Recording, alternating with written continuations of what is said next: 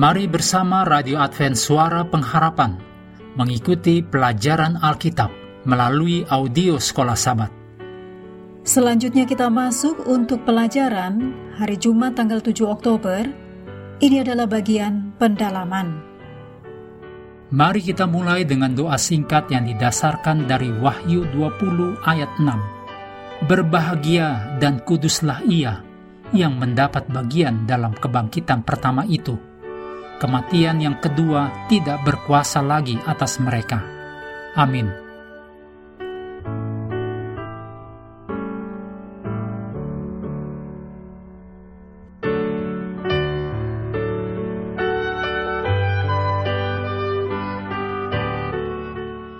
Anda perlu membaca tulisan Ellen G. White judulnya Penggodaan dan Kejatuhan di halaman 46 sampai 61 serta yang judulnya Rencana Penebusan, halaman 62 sampai 72.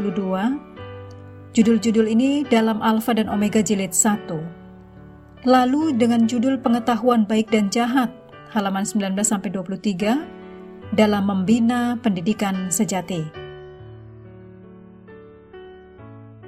Dalam beberapa tahun terakhir, penelitian telah dilakukan tentang apa yang disebut pengalaman menjelang ajal atau mati suri.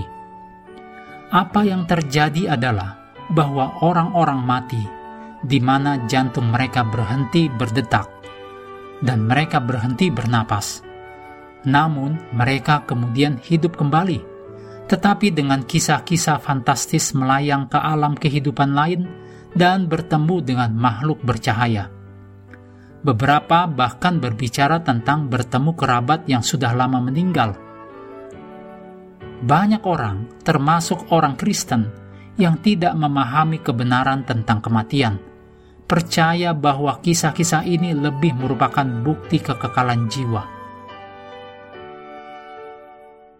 Namun, dan ini harus menjadi peringatan yang paling jelas bahwa ada sesuatu yang salah Sebagian besar yang memiliki pengalaman ini membuat pengakuan bahwa makhluk spiritual yang mereka temui selama pengalaman menjelang ajal atau mati suri ini memberi mereka kata-kata yang menghibur, pernyataan yang indah tentang kasih, kedamaian, dan kebaikan. Tetapi mereka tidak mendengar apa pun tentang keselamatan di dalam Kristus. Tidak ada apa pun tentang dosa dan tidak ada apa pun tentang penghakiman. Sementara dapat merasakan kehidupan setelah kematian Kristen, bukankah seharusnya mereka ini mendapatkan setidaknya sedikit dari ajaran Kristen yang paling mendasar saat mengalami hal itu? Namun, apa yang diajarkan kepada mereka sebagian besar terdengar seperti dogma zaman baru atau New Age, yang juga dapat menjelaskan mengapa, dalam banyak kasus, mereka ini jadi tidak lagi condong kepada kekristenan, daripada sebelum mereka mengalami mati suri. Juga, mengapa tidak pernah ada orang Kristen yang yakin bahwa pengalaman mati suri mereka adalah gambaran surga Kristen, mendapatkan teologi Kristen apa pun saat mengalami hal itu? Jawabannya adalah mereka ditipu oleh oknum yang sama yang menipu Hawa di Eden, dan dengan kebohongan yang sama juga. Ini nanti akan diulas di pelajaran ke-11. Berikut ini hal-hal untuk diskusi. Yang pertama, pengalaman Adam dan Hawa menunjukkan bahwa pengampunan Allah tidak serta-merta membalikan semua konsekuensi dosa. Ini merupakan kebenaran yang penting untuk selalu diingat.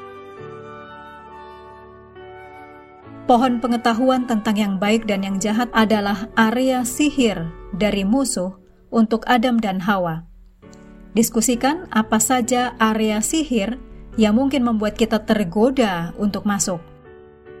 Yang ketiga, iblis sedang mencoba untuk memimpin umat Allah agar percaya bahwa persyaratan atau tuntutan Kristus tidak seketat yang pernah mereka percayai dan bahwa dengan menyesuaikan diri dengan dunia, maka mereka, yaitu umat Allah, akan dapat memberikan pengaruh yang lebih besar kepada orang-orang duniawi.